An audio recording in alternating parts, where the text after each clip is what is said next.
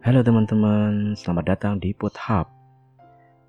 Setelah saya membaca buku Albert Camus yang berjudul Mitos Sisyphus, nah, nanti tunggu ya reviewnya ya. Nanti saya coba bandingkan dengan terbitan eh, Gramedia. Jadi ada beberapa di bagian buku itu yang mengingatkanku terhadap konsep pemikiran, impian, cita-cita yang membuatku berpikir kembali mengenai sebuah puisi, puisinya Octavio Paz. Ya sebenarnya puisi ini su sudah puisi lama ya, tapi aku jadi teringat kembali dan ingin membacakannya kembali.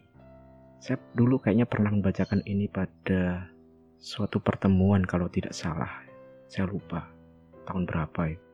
Jadi ini adalah puisi terjemahanku dari Octavio Paz. Selamat menikmati dan semoga menghibur.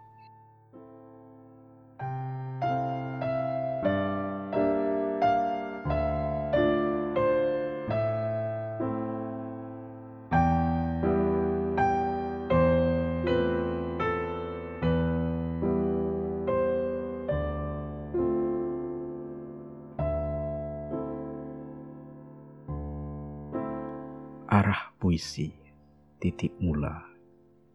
Okta Viopas. Kata, frasa, suku kata Ialah gemintang yang membesar di pusara masa. Dua raga banyak rupa bertemu dalam satu kata. Sebuah kertas tertutupi huruf-huruf yang tak terhapus Tak ada yang mengatakan, tak ada yang membacakan. Mereka jatuh di sana, menyala dan terbakar dan padam. Beginilah puisi terwujud, begitupun cinta hidup. Dan jika aku tidak ada, kau harus ada.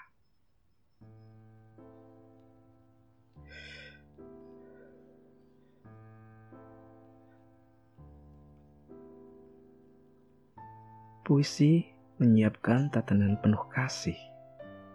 Aku melihat lelaki matahari dan wanita rembulan. Yang satu terbebas dari kekuasaan, yang satu terbebas dari perbudakan. Dan cinta tiada henti melesat melalui ruang hitam, semuanya tunduk pada elang-elang pijar itu. Tiap puisi dipenuhi oleh pengorbanan penyair.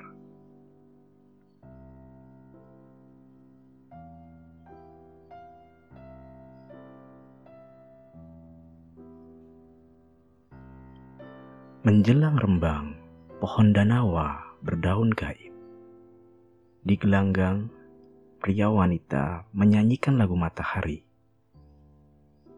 Mereka menyelesaikan mata air. Aku tersapu gelombang asfar. Tak ada lafal keluar dari mulutku.